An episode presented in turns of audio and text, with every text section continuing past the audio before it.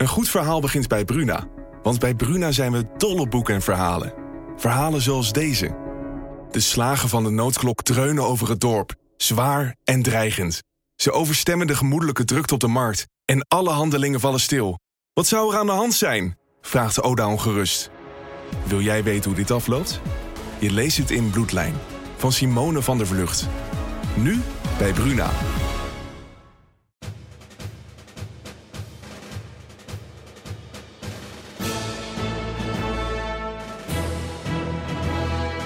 Dit is Delta Tango, de defensiepodcast van de Telegraaf. Dan komt er zo'n moment hè, dat je voelt dat het onvermijdelijk is dat je gebruik gaat maken van de schietstoel. Ik vond die eerste toch mooier dan de tweede. De sequel kan nooit zo goed zijn als het origineel, vind ik. Heel veel van die dingen die je ziet, ja, dat is het toch allemaal net niet. Hè? Hoe wij dingen doen, hoe wij bepaalde tactieken uitvoeren, hoe je bepaalde missies doet. Ja, het is natuurlijk allemaal gewoon net niet, hè? of helemaal niet in, in een aantal gevallen. Nou, dat zijn uh, stevige woorden die uh, vallen. Het gaat uh, gelukkig niet over de podcast die wij opnemen, Delta Tango. Welkom bij deze aflevering van Delta Tango. De bespreker hier die u hoorde was uh, generaal Dennis Luit, nu nog commandant luchtstrijdkrachten. En hij had het over Top Gun en over Top Gun Maverick. En hij kan het weten, want uh, Dennis Luit was zelf uh, jarenlang F-16-vlieger. met missies werden uitgezonden, vele uren in de F-16. Dus hij weet precies waar het om gaat. Maar Dennis Luit is onderweg met, naar de uitgang. Hij is bezig met zijn afscheidstournee. En uh, in dat kader uh, sprak Sylvan uh, Schoonhoven, onze defensieverslaggever, die hier bij me staat, opnieuw hem ook uitgebreid. En we hebben al een, een, aantal delen van dat interview hier in de podcast, ehm, zodat we met hem kunnen terugkijken op een boeiende tijd, maar voor hem, maar ook voor de luchtmacht. Want ja, het is nogal, nogal een, een speciale periode die je heeft maar meegemaakt, de Sylvan. Ja, hij kwam bij de luchtmacht als commandant in 2016. En dat was eigenlijk net na het moment dat de luchtmacht vrij uh, heftig optreden had, had gehad. Ze, ze natuurlijk Afghanistan achter de rug. Ze hadden de strijd uh, tegen IS achter de rug boven Irak. Waarbij meer dan 2000 bommen zijn afgegooid op doelen in het kalifaat. Dat is eigenlijk niet eerder voorgekomen dat de luchtmacht zo veel materiaal heeft ingezet, zoveel wapens heeft ingezet. Een heftige periode, ook omdat uh, nou, dat waren hele, hele succesvolle acties, maar uh, er waren ook twee incidenten, Hawija en Mosul, waarbij burgerslachtoffers uh, te betreuren waren. Best heftige zaken. De luchtmacht was ook aanwezig geweest in uh, Mali, missie Mali. En er was een Apache neergestort met twee dodelijke slachtoffers. Dat gebeurt kort voordat Luid aantrad. Jij was in die periode natuurlijk defensieverslaggever. Je bent in Mali geweest ook, je bent in Jordanië geweest, waar de F-16's toen opereerden. Wat was jouw beeld van de luchtmacht en die periode die ze toen achter de rug hadden? Ja, uh, vooral een periode van, uh, van transitie. Um, een periode waarin, uh, waarin er aan de ene kant nog, nog heel hard gewerkt werd met, met de spullen die ze hadden.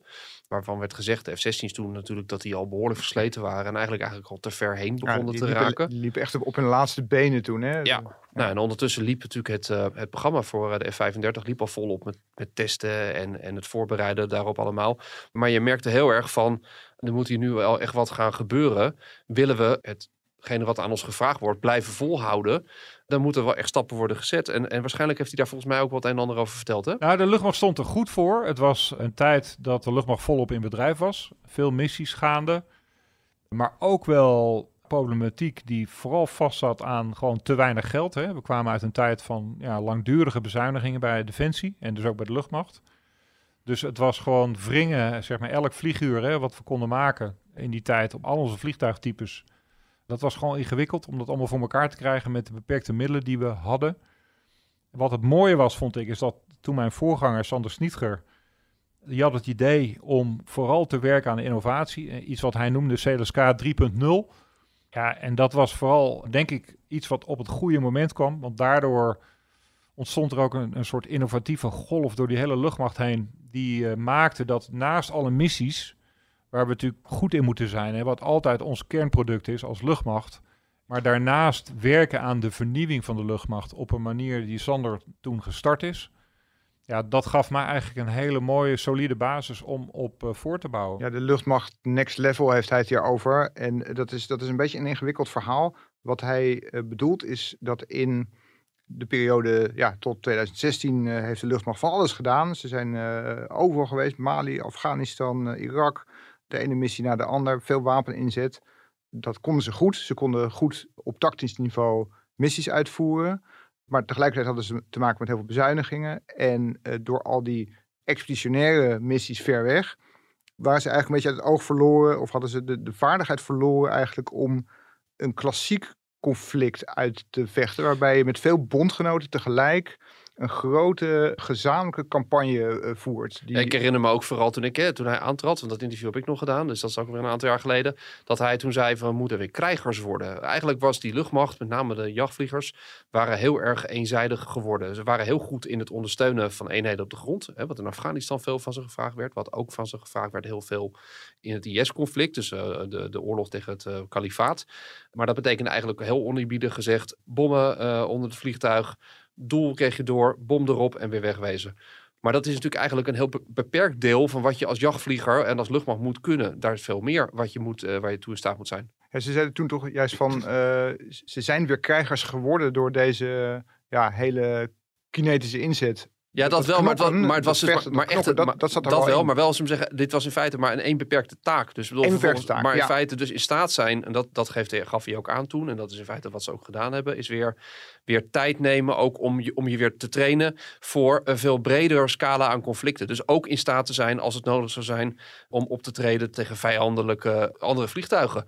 Uh, in staat zijn om, om, weer, uh, om weer aan te gaan vallen in gebieden waar een hele hoge uh, gevaar is als het gaat om luchtafweer. Ja, en die was er helemaal niet, hè? Nul. En Afghanistan was er echt Afghanistan niet, Irak nou niet, niet of nauwelijks. Veel minder aan het begin een klein beetje. Er was wel angst voor stingerachtige, dus, dus uh, manpad, uh, schouder afgevuurde lucht, luchtverdediging. Maar niet noemenswaardig. En Mali, hoe zat het in Mali ook alweer? Nou ja, Mali was natuurlijk een beetje een, een vreemde eend in de bijt. Er zijn alleen helikopters geweest. Mali was natuurlijk een VN-missie, dus met een veel beperkter mandaat als het gaat om, uh, om operaties. Maar Mali was vooral veel voor verkennen, vervoer en met, met, met de transport uh, Chinooks. Maar ook wel een, op een aantal momenten wapen inzet. Maar het was natuurlijk gewoon, als je het hebt over het, het soort conflict, was dat een, een, een, een veel, lager. veel lager niveau. Een, dus een lager risico. Ja, en uiteindelijk, hoe verdrietig het ook is, er zijn uh, twee vliegers omgekomen. Er is een Apache neergestort in Mali.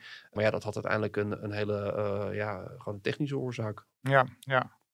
Wat Luiter ook zegt is van, we moesten ons weer kunnen focussen op, op, op, op grote campagnes samen met bondgenoten, waarbij uh, op allerlei niveaus uh, dreigingen waren. Dus heel, heel anders dan wat ze tijdens die missies ver weg hadden gedaan. Wat daarbij kwam natuurlijk, was niet alleen dat ze die vaardigheid weer onder de knie moesten krijgen, maar dat ze ook met allerlei nieuw materiaal moesten gaan ja, dealen. Zeker. En uh, dan, het eerste wat dan te binnen schiet is natuurlijk de, de F-35, die eraan zat te komen, die nu in bedrijf is. Maar er kwamen ook vernieuwde Apache-helikopters. De Chinooks werden vernieuwd. Nou, sinds kort heeft de luchtmacht daar ook de, de Reaper-drone bij, uh, vier stuks. Die, uh, behalve dat ze heel goed uh, inzetbaar zijn als verkenningstoestel, ook worden klaargestoomd voor het dragen van wapens en het, en het gebruik daarvan. Dus wat Luid zei was van, we hebben daar heel veel techniek bij gekregen, heel veel gereedschappen eigenlijk. Maar tegelijkertijd leveren die zo'n stortvloed aan, aan data op, hè, aan, aan beelden uit de sensoren. Die moeten allemaal verwerkt worden en die moeten allemaal terechtkomen op de grond bij de marine. Al die partners die meedoen, die moeten over die informatie kunnen beschikken. Nou, dat is zo ingewikkeld eigenlijk. Dat is zoveel ingewikkelder dan wat we daarvoor deden.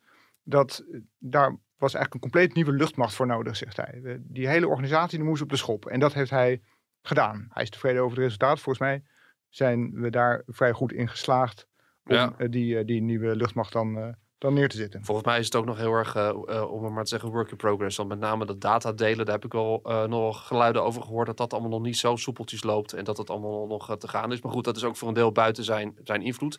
Ja, dat symbool natuurlijk voor, voor zijn periode, meer dan wat dan ook, is die F-35 geworden. Een vliegtuig waar, waar, nou, ik denk dat er over weinig toestellen zoveel gedimdamd is, zoveel gesproken is, zoveel ja. discussie.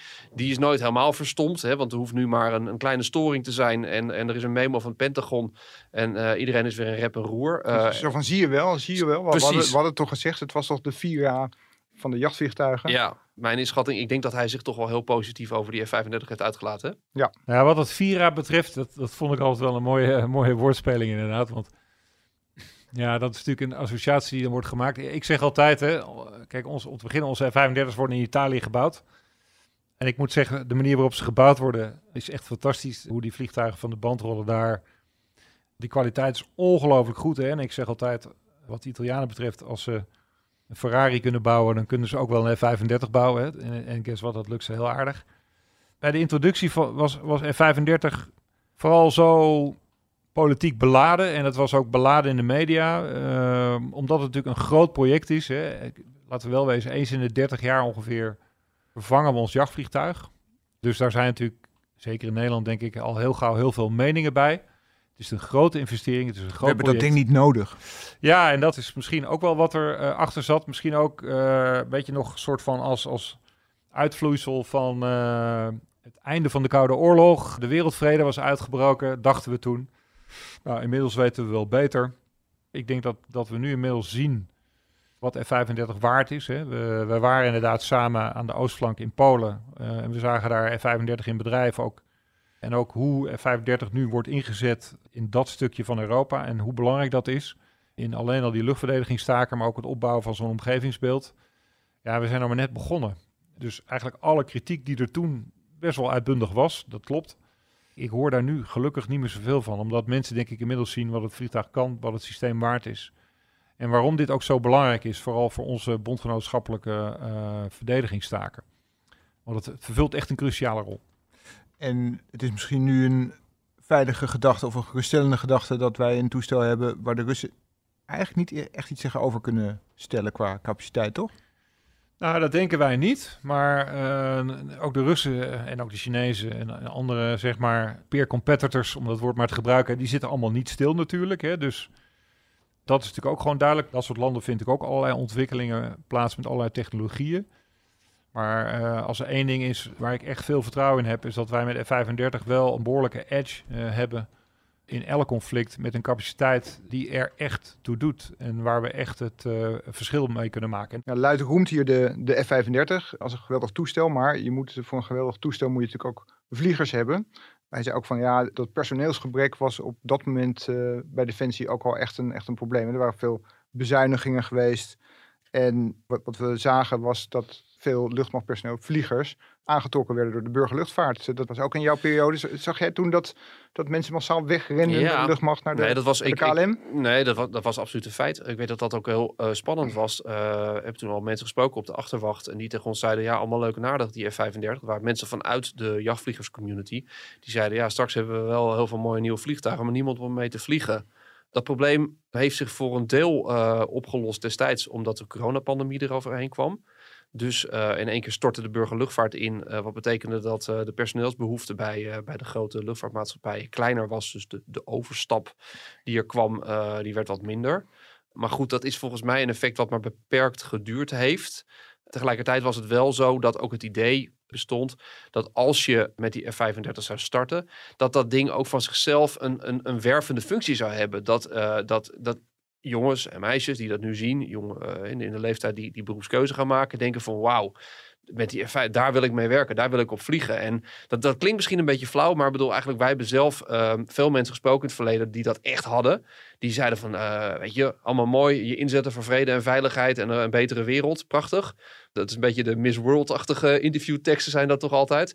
Maar uiteindelijk is het toch heel vaak voor eh, de eerste intrinsieke gevoel wat mensen hebben, de- dat, dat, wat het setje geeft, is dat ze die Apache zien. Of dat ze die F-35 zien en denken, wauw, Ja. zo'n ding zou ik willen besturen. Dus dat, dat werkt wel. Ik weet niet wat de meest actuele stand is van, eh, van personeelsbehoeften. Ik geloof dat dat nu redelijk loopt eh, voor de, de jachtvliegers. Ja. Maar ja, het, het blijft, het blijft een ingewikkelde. Kijk, en, en het is wel zo natuurlijk dat er altijd een ontwikkeling is geweest. Dat mensen, wij spreken, een x aantal jaar eh, jachtvlieger zijn. Hè, een beetje begin, midden 30 worden. En ja, en dan om zich heen gaan kijken. Want aan de ene kant Je betekent kunt dat ook niet eeuwig blijven doen tenslotte. eh. nou, we, we, we kennen de uitzondering. Hè. We, we- kennen meneer, eh, die is volgens mij begin 50, eh, eh, Joost Nicky Luisterburg, commandant in tussen Arizona, nu van de opleidingseenheid voor de F-35. Die vliegt nog steeds. Maar de natuurlijke bewegingen die je ziet, is dat mensen op een gegeven moment eh, in rang omhoog gaan, kapitein worden. En kapitein is een beetje de, de schakelfunctie van eh, en dan. En dan is toch wel de beweging eh, bij Defensie van oké, je, je, je gaat up or out. Dus of eh, je, je krijgt een hogere rang. al heel snel toch afgelopen gewoon. Hè? Ja, Want Dan kom je in een staf terecht, in, Ja. een, in een Haagse staf eh, of, of in een staf bij de luchtmacht. En dan ben je misschien nog gastvlieger, maar in principe ga je dan niet meer regulier heel veel vliegen niet meer. Nee, want je bent niet meer current, je houdt het niet meer bij. En er komt weer een nieuwe generatie. Hè? Of, of Ja. mensen zijn echt oud eh, en zeggen, nou, ik vind het mooi geweest midden 30, ik wil een ander soort bestaan en ik word inderdaad vlieger in de burgerluchtvaart. Dus op zich is dat niet zo gek. Ja, het lastige is wel om, om voldoende eh, werving te houden aan de onderkant, zodat je weer die nieuwe generatie goede vliegers eh, weer weet te vinden. Ja, wat ze bij Defensie, eh, wat ik vaak hoor, is dat het meestal niet zo heel lastig is om mensen te vinden voor de grote wapensystemen. Het zit hem vooral in de technici, waar Ja. het echt de pijn zit tegenwoordig. Ja. Hey, iets, iets anders, hè? want ehm, eh, een heel dominant verhaal nu en ook, ook een, pro- een prominent theater waar, eh, waar de luchtmacht optreedt, is natuurlijk eh, rondom het eh, Oekraïne-conflict.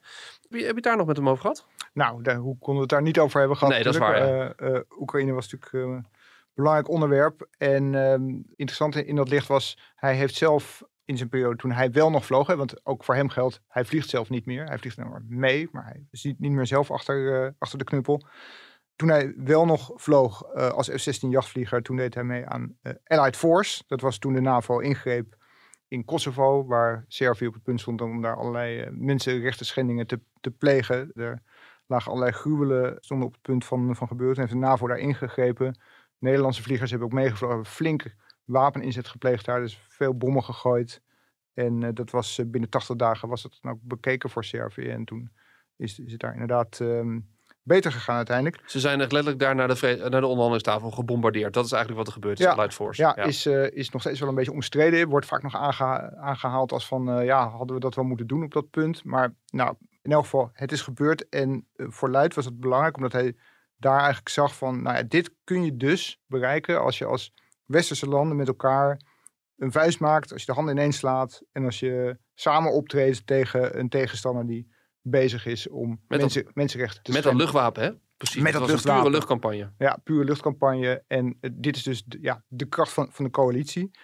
In zekere zin zie je dat nu ook in Oekraïne gebeuren natuurlijk. Hè? Dat, niet dat wij daar vechten, maar wel dat we samenwerken om die wapens uh, te leveren aan dat land. In de hoop dat, dat je daar de loop van de geschiedenis een beetje kunt, uh, kunt beïnvloeden. Dus er zijn wel parallellen te trekken. Ik durf volmondig te zeggen in al die missies waar we aan hebben meegedaan de afgelopen decennia, dat we dat elke keer centraal hebben gesteld. Hè? Dus de bijdrage die we leveren, ja, wordt het dan ook beter voor de mensen op de grond? En ja, je gaat nooit de 100% oplossing vinden, denk ik. Je bent nooit het hele antwoord op een conflict. Hè? Dat is militaire inzet natuurlijk nooit. Hè? Het gaat ook altijd over diplomatie.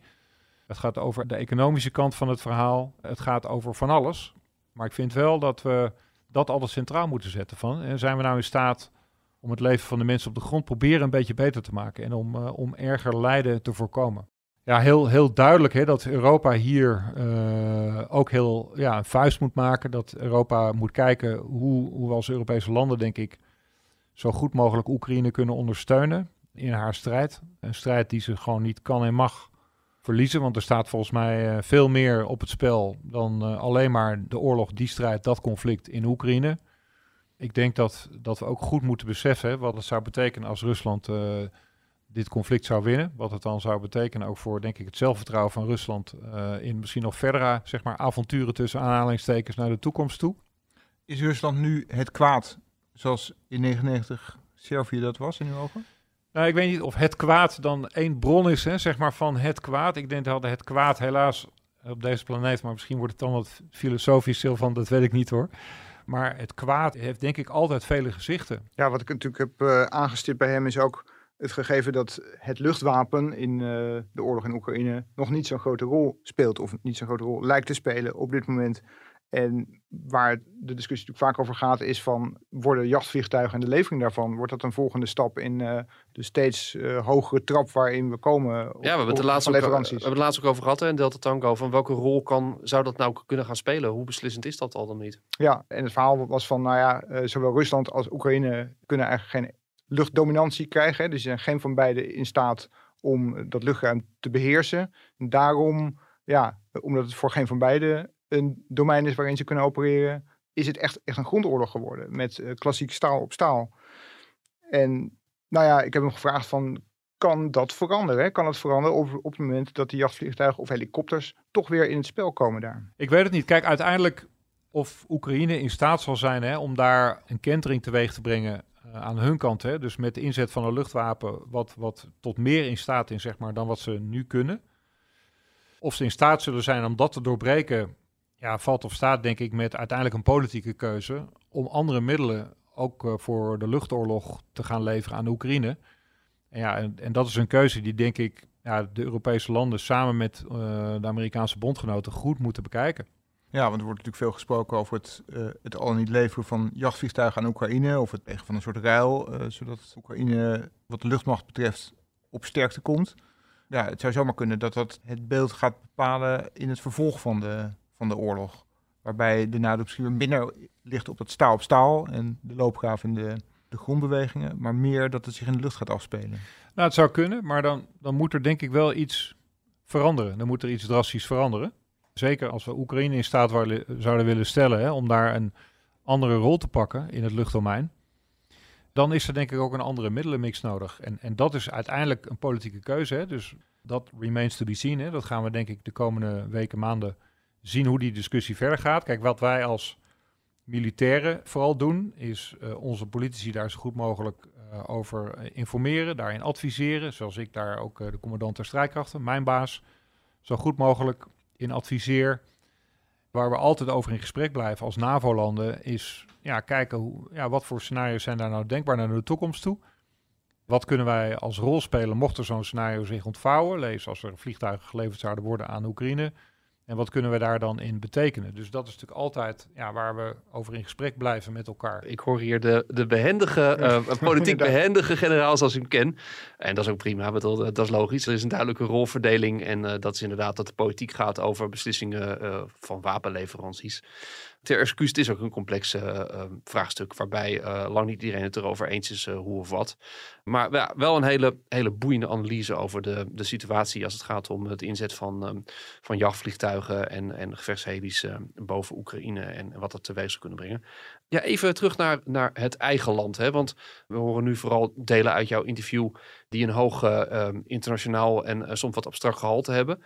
Maar um, als commandant luchtstrijdkrachten heeft Dennis Luiten natuurlijk ook te maken met hele toe recht aan zaken. Hij is ook eigenlijk gewoon een soort uh, directeur van een organisatie waar van alles gebeurt. En, en nou, waar ook wel eens wat, wat, misgaat. Waar ook wel eens wat misgaat, ja. En dan zijn wij natuurlijk altijd als de kippen bij, is de kritiek.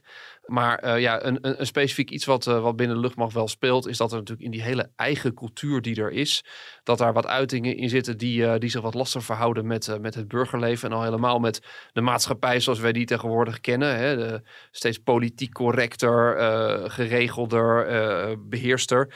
Een van de issues die naar boven kwam tijdens zijn periode waren de, de zogeheten squadronfeesten. Dat zijn uh, uh, feesten waarbij uh, de leden van, een, van vaak vooral een jachtvliegsquadron bij elkaar komen. Zoals ze zelf aan ons vertelde voor het boek Missie F-16 wat wij schreven. Heel veel drank inkopen en een avondje lang helemaal losgaan. Op zich is dat allemaal prima, want in, als iedereen een flinke kater heeft een dag daarna en niet hoeft te vliegen, dan is dat hun eigen probleem. Maar het begon toch wel een beetje te schuren. Niet alleen omdat dat maatschappelijk, als die dingen naar buiten kwamen, wel voor, voor meer en meer discussie gaat zorgen. Hè, mensen vinden het toch niet zo heel leuk om te horen dat een van de tradities is dat er een piano in de brand wordt gestoken daar. Maar ook omdat het ja, in, in het recente verleden nu echt een keertje flink mis is gegaan. In Leeuwarden is dat gebeurd. Waarbij een, bij een squadronfeest er, er, werd gespeeld of gerommeld met een, een. Dat ding is omgevallen en daar zijn vliegers behoorlijk gewond door geraakt. En ja, dat, dat is iets wat, uh, wat intern echt uh, zwaar op de maag lag. Ik weet toen destijds dat ik hoorde dat er uh, een, een, echt een crisisoverleg, het was midden coronatijd nog, volgens mij werd overlegd op Teams.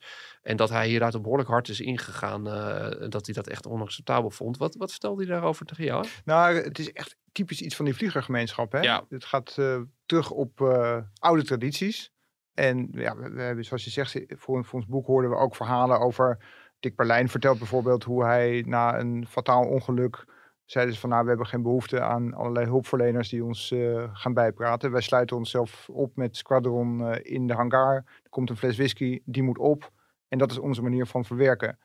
Dat geeft al een beetje aan. Er was ook zo'n verhaal hè, van, van een vlieger die dan zijn, zijn tactical, zijn, uh, zijn call sign moet krijgen. En dat is ook een soort één groot drankspel. Ja. Bleek dat te zijn. Waarbij het zo is dat uh, ja, als jij het niet eens bent met de vliegernaam die jou voorgehouden wordt, uh, dan kan je die wegdrinken van de lijst. Maar dat moet je wel inderdaad uh, een glas achterover slaan. En nog een, en nog een, en nog een. En s ochtends word je dan wakker met een houten hoofd. Je kijkt in de spiegel en dan staat de tactical die het geworden is, staat op je voorhoofd geschreven. Hmm, ja, klinkt natuurlijk allemaal erg. Uh, ik heb, ik heb de anekdote met, met smaak gedeeld onder uh, veel van mijn vrienden. Maar uh, het is wel 2023, de tijd van havermelk en, en millennials. Die, die er toch andere ideeën op nahouden. Dus hoe. Ja, wat, wat... Zit je natuurlijk van, van ja, moet je, moet je nou alles wegsaneren? Moet nou alles steriel en ja. van rubbertegels worden, worden voorzien?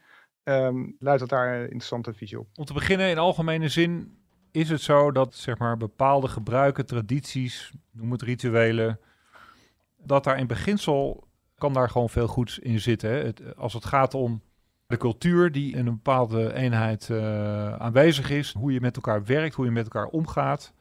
Zeker in onze squadrons, hè, waar, waarvan we ook verwachten dat die, uh, als we op de knop drukken, onmiddellijk uh, het werk gaan doen, vaak het moeilijke werk, het conflict ingaan en die als het erop aankomt ergens de, de nacht ingaan met een jachtvliegtuig of een aanvalshelikopter of met iets anders wat een klap uit kan delen. En daar dan beslissingen maken over leven en dood. En we moeten denk ik ook niet onderschatten hoe, nou, hoe, hoe groot die verantwoordelijkheid ook is, waarmee we uh, vaak jonge mensen op pad sturen uh, met onze wapensystemen. En dat geldt in alle domeinen, maar dat geldt zeker uh, voor inzet van het luchtwapen. En met dat als vertrekpunt, dus het bijzondere wat we van mensen vragen, dat brengt natuurlijk ook een bepaalde ja, sfeer, cultuur, manier waarop je met elkaar omgaat, teweeg op de scorrens. Wat alleen de keerzijde is, vind ik, van dat soort in beginsel gewoon goede tradities. De keerzijde is, is altijd dat er een soort donkere kant ontstaat of scherpe randjes ontstaan bij die tradities. Waarbij mensen zeg maar grenzen op gaan zoeken die dan gewoon ja, te ver gaan. En waarbij dus ja, uiteindelijk dingen gebeuren die we niet willen. Um, en dat is denk ik altijd het risico van dit soort eenheden die, waar we veel van vragen. Bij dat soort eenheden en de cultuur die daar ook best wel een beetje bij hoort, hè, dat mag ook best. Maar als we dan denk ik onvoldoende oog hebben voor een beetje die keerzijde daarvan en die scherpe randen daarin, ja, dan kom je soms op een hellend vlak. Wij zijn gelukkig een luchtmacht hè, waarbij ik de commandanten niet ga vertellen wat ze wel en niet moeten doen. Hè. Ik vertel ze wat de bedoeling is. Ik vertel ze wat ik van ze verwacht. En ik verwacht vooral van commandanten dat ze dat dan zelf invullen. Ja, volgens mij is het natuurlijk ook die, die zwarte kant waar hij het over heeft. Die, die heeft hij zelf natuurlijk ook wel uh, van dichtbij gezien. In, zijn commandantschap, we hadden het al over, zijn, uh, zijn twee Apache-vliegers omgekomen. Dat is, uh, moet voor hem heel heftig zijn geweest. We hebben ook het ongeval gehad met de, de marinehelikopter. Of wat in feite een, een, een maritieme helikopter is die ook onder de, de luchtmacht valt in de Cariben. Met een bemanning waar, waar slachtoffers bij vielen. Dus heel heftig. Heb je met hem ook stilgestaan bij, bij die heftige zwarte kanten van zijn commandantschap? Ja, zeker, want hij komt natuurlijk uit de tijd dat het bestaan als vlieger eigenlijk nog een, nog een stapje heftiger was dan het nu is. Uh, er is nu natuurlijk een enorme focus op, uh, op veiligheid. Er is, er is heel veel wapeninzet geweest, maar er vallen bij vliegers weinig slachtoffers meer. En dat was in de begintijd van de F-16, uh, toen Luid daarop vloog, was dat echt heel anders. 33 doden zijn er gevallen bij ongelukken met F-16's in de begintijd. Dus toen had je denk ik als, als vlieger, misschien meer dan nu, het idee dat, dat, dat het echt living on the edge was. Dat je echt een gevaarlijk beroep had en dat je echt s'avonds niet meer thuis kon komen. Gewoon puur door, door, door crashes, omdat we dat toestel ja, net, net hadden. De veiligheidsprocedures waren anders. Er was nog geen uh, systeem dat uh, waarschuwde als de grond in zicht kwam. De allerlei redenen waarom, waarom er toen zoveel doden zijn gebeurd tijdens zoveel ongelukken. En Luid heeft uh, zelf ook meegemaakt hoe dicht je eigenlijk bij de dood bent op het moment dat je in dit toestel vliegt. Zeker, uh, zeg maar eind jaren 80, begin jaren 90, hè, toen ik net uh, nou ja, als, als jong luitenant daar mijn eerste schreden in, in het operationele veld maakte. Dat was inderdaad helaas een tijd dat we best veel ongevallen hadden.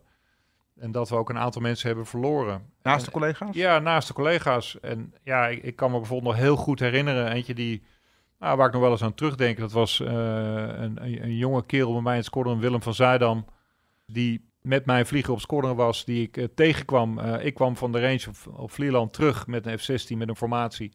Hij vloog net naar de range toe. We kwamen elkaar dus ergens midden boven Nederland tegen. En ik zeg nog tegen hem van, hey, goede missie en succes. Want hij was gaan het opwerken voor de wapenschool die hij zou gaan doen. En dat is het laatste wat ik van hem heb gehoord, omdat hij op de range toen verongelukt is met zijn F-16 die middag. En goed, een paar dagen later draag je hem dan naar het graf. Nou, met natuurlijk als de nabestaanden erbij. Zijn, ik ben er goed, zijn, zijn vriendin toen. En nou, natuurlijk het hele squadron in die kerk bijeen. Ik kan me dat nog heel goed herinneren, weet je. We hebben helaas ja, een paar van dat soort momenten in korte tijd achter elkaar gehad. Vaak van alle, alle vliegbasis wel dat er dingen gebeurden. En of het nou hè, een vliegongeval was met F-16... of het was gewoon een, een, een dom auto-ongeluk met pech... waarbij iemand om het leven kwam. Op de een of andere manier was het gewoon een hele slechte tijd. Dat we ja, best veel mensen naar het graf hebben gedragen. Dat is natuurlijk enorm heftig.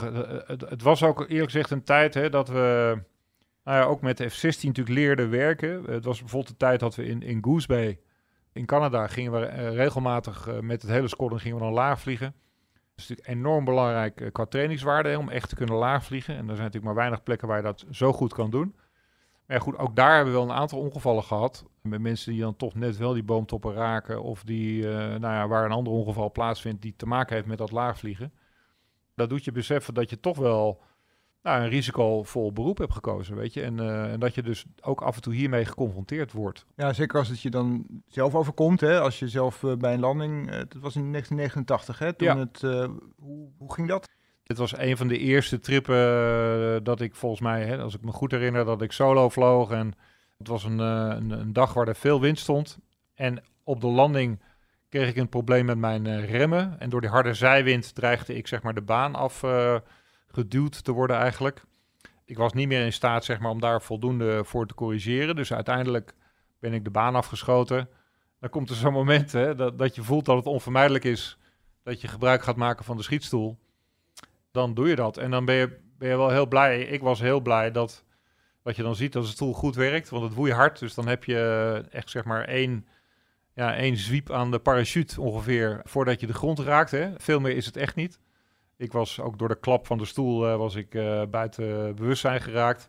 Dus het eerste wat ik eigenlijk merkte is dat ik tegen de grond klapte. Gelukkig loopt dat dan allemaal goed af en heb je daar geen schade van. Het was wel een bijzondere uh, belevenis, zeg maar. Dat moet je niet te vaak meemaken. Knikkende knieën? Ja, tuurlijk. Je schrikt er eigenlijk pas van en je beseft je dan pas wat er is gebeurd als je naast die kist staat. En het ziet dat er naar een vliegtuig staat zonder stoel erin, met de motor nog draaiende en de brandweer die, die probeert die kist uit te zetten. Ja, en dan zie je ook wel dat, je, dat het goed is dat je eruit bent gesprongen. Omdat een F-16 heeft een, een, een luchtinlaat die onder het vliegtuig zit.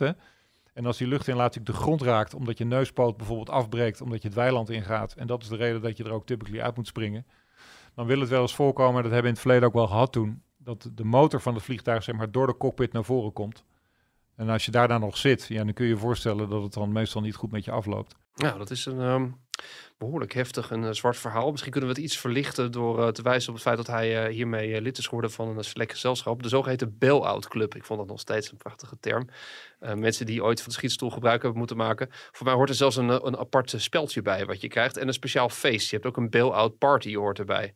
Ja, dus, precies. als, als zoiets gebeurd is, ook zo'n vliegertraditie, dan is het gebruikelijk om dat ook weer te vieren als het natuurlijk goed is afgelopen voor, ja. voor iedereen, dan uh, wordt dat. Uh, nou, dan wordt er uitgebreid uh, bij stilgestaan. En ook daarbij wordt een, een glaasje niet geschuwd. Nee, nou ja, goed. dat, dat zijn ook alweer mooie tradities. Misschien moet je als belastingbetaler er niet te lang bij stilstaan. Want je weet wat zo'n toestel per stuk kost. Maar ja, het hoort erbij.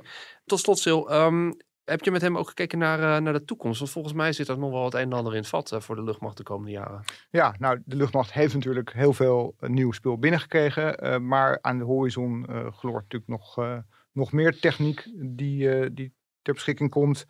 Heel in de verte zie je bijvoorbeeld... Ooit moeten we het gaan hebben over de vervanging van de, van de helikopters. En wat je nu in de VS ziet, wat een opkomst is, dan dat is een systeem van een helikopter waarbij de motor kantelbaar is en waarbij een toestel kan opstijgen als, als helikopter. Dan draai je die motoren aan de vleugel en dan wordt het een vliegtuig. En kan de, daarmee natuurlijk veel meer snelheid ontwikkelen dan de een Osprey, dat kan. De, de, Ospreys hebben dat, hè? De Ospreys hebben uh, dat. Toestellen met, van de Amerikaanse Corps Marines. Uh, ja, die met, uh, met het tiltmotor. En dat is wel een apparaat, denk ik, waar Nederland met belangstelling naar kijkt. Nu nog niet. Het wordt nog niet nu besteld, maar er wordt wel naar gekeken. En Wat wel al binnen het bereik ligt en wat volgens Luid ook echt de toekomst bepaalt, dat is de ruimte.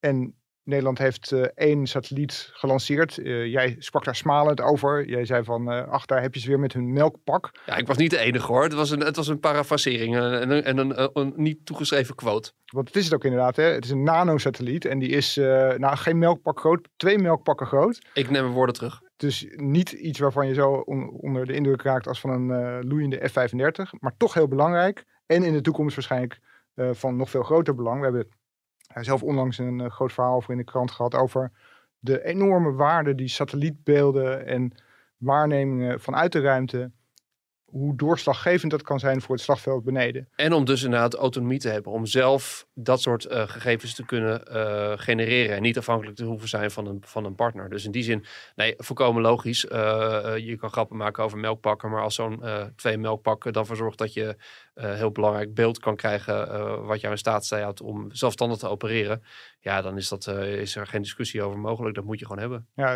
en Nederland heeft daar dus de voorzichtige schreden op gezet op dat, op dat gebied, maar de bedoeling is dat meer gaat worden. Luidt zij overigens dat, dat, dat hij zich daar druk voor heeft gemaakt voor dat, voor dat, voor dat space domein. In een tijd dat hij eigenlijk te horen kreeg van joh, moet dat nou wel? We hebben al geldgebrek. Zouden we nou niet het eerste gewoon de dingen dichter bij huis op orde brengen? In plaats van ons op de ruimte te gaan richten. maar hij zei van, van het is echt typisch voor onze cultuur. We, we zijn pioniers. Vliegen is pionieren. Wij willen hier toch echt uh, mee bezig. En hij heeft het, zegt hij, hij is er ook trots op. Dat ze binnen zeer, zeer korte tijd erin waren geslaagd om dat melkpak, uh, de Brik 2 genoemd we komen, overigens. We komen niet meer van het melkpak um, af. Om die inderdaad in de ruimte te brengen. Nee. En uh, nou, er is nog veel in het vat op dat uh, gebied. Dus wordt vervolgd. Nee, ere wie ere toekomt. Want dat is zonder meer iets wat, wat op zijn konto valt te schrijven. In een periode, we, hadden het, we begonnen ermee en we eindigen er nu ook mee. Dat, dat er gewoon erg weinig geld was. En het dus heel lastig passen en meten was om toch zo'n project van de grond te krijgen. En dat, dat is een mooi gelukt. Nou, heel mooi. Interessant om te horen. Sylvan, dankjewel voor deze week natuurlijk uh, voor de liefhebbers uh, uitgebreid na te lezen in de krant en uh, op onze site ook. Dit was Delta Tango voor deze week. We hopen dat je met plezier hebt geluisterd. En als dat zo is, laat dat weten door een recensie achter te laten op een van de podcastplatforms waar wij te horen zijn. En abonneer je, zodat je geen aflevering meer hoeft te missen. Wij zijn er over twee weken weer met een onderwerp uit de wereld van veiligheid en defensie.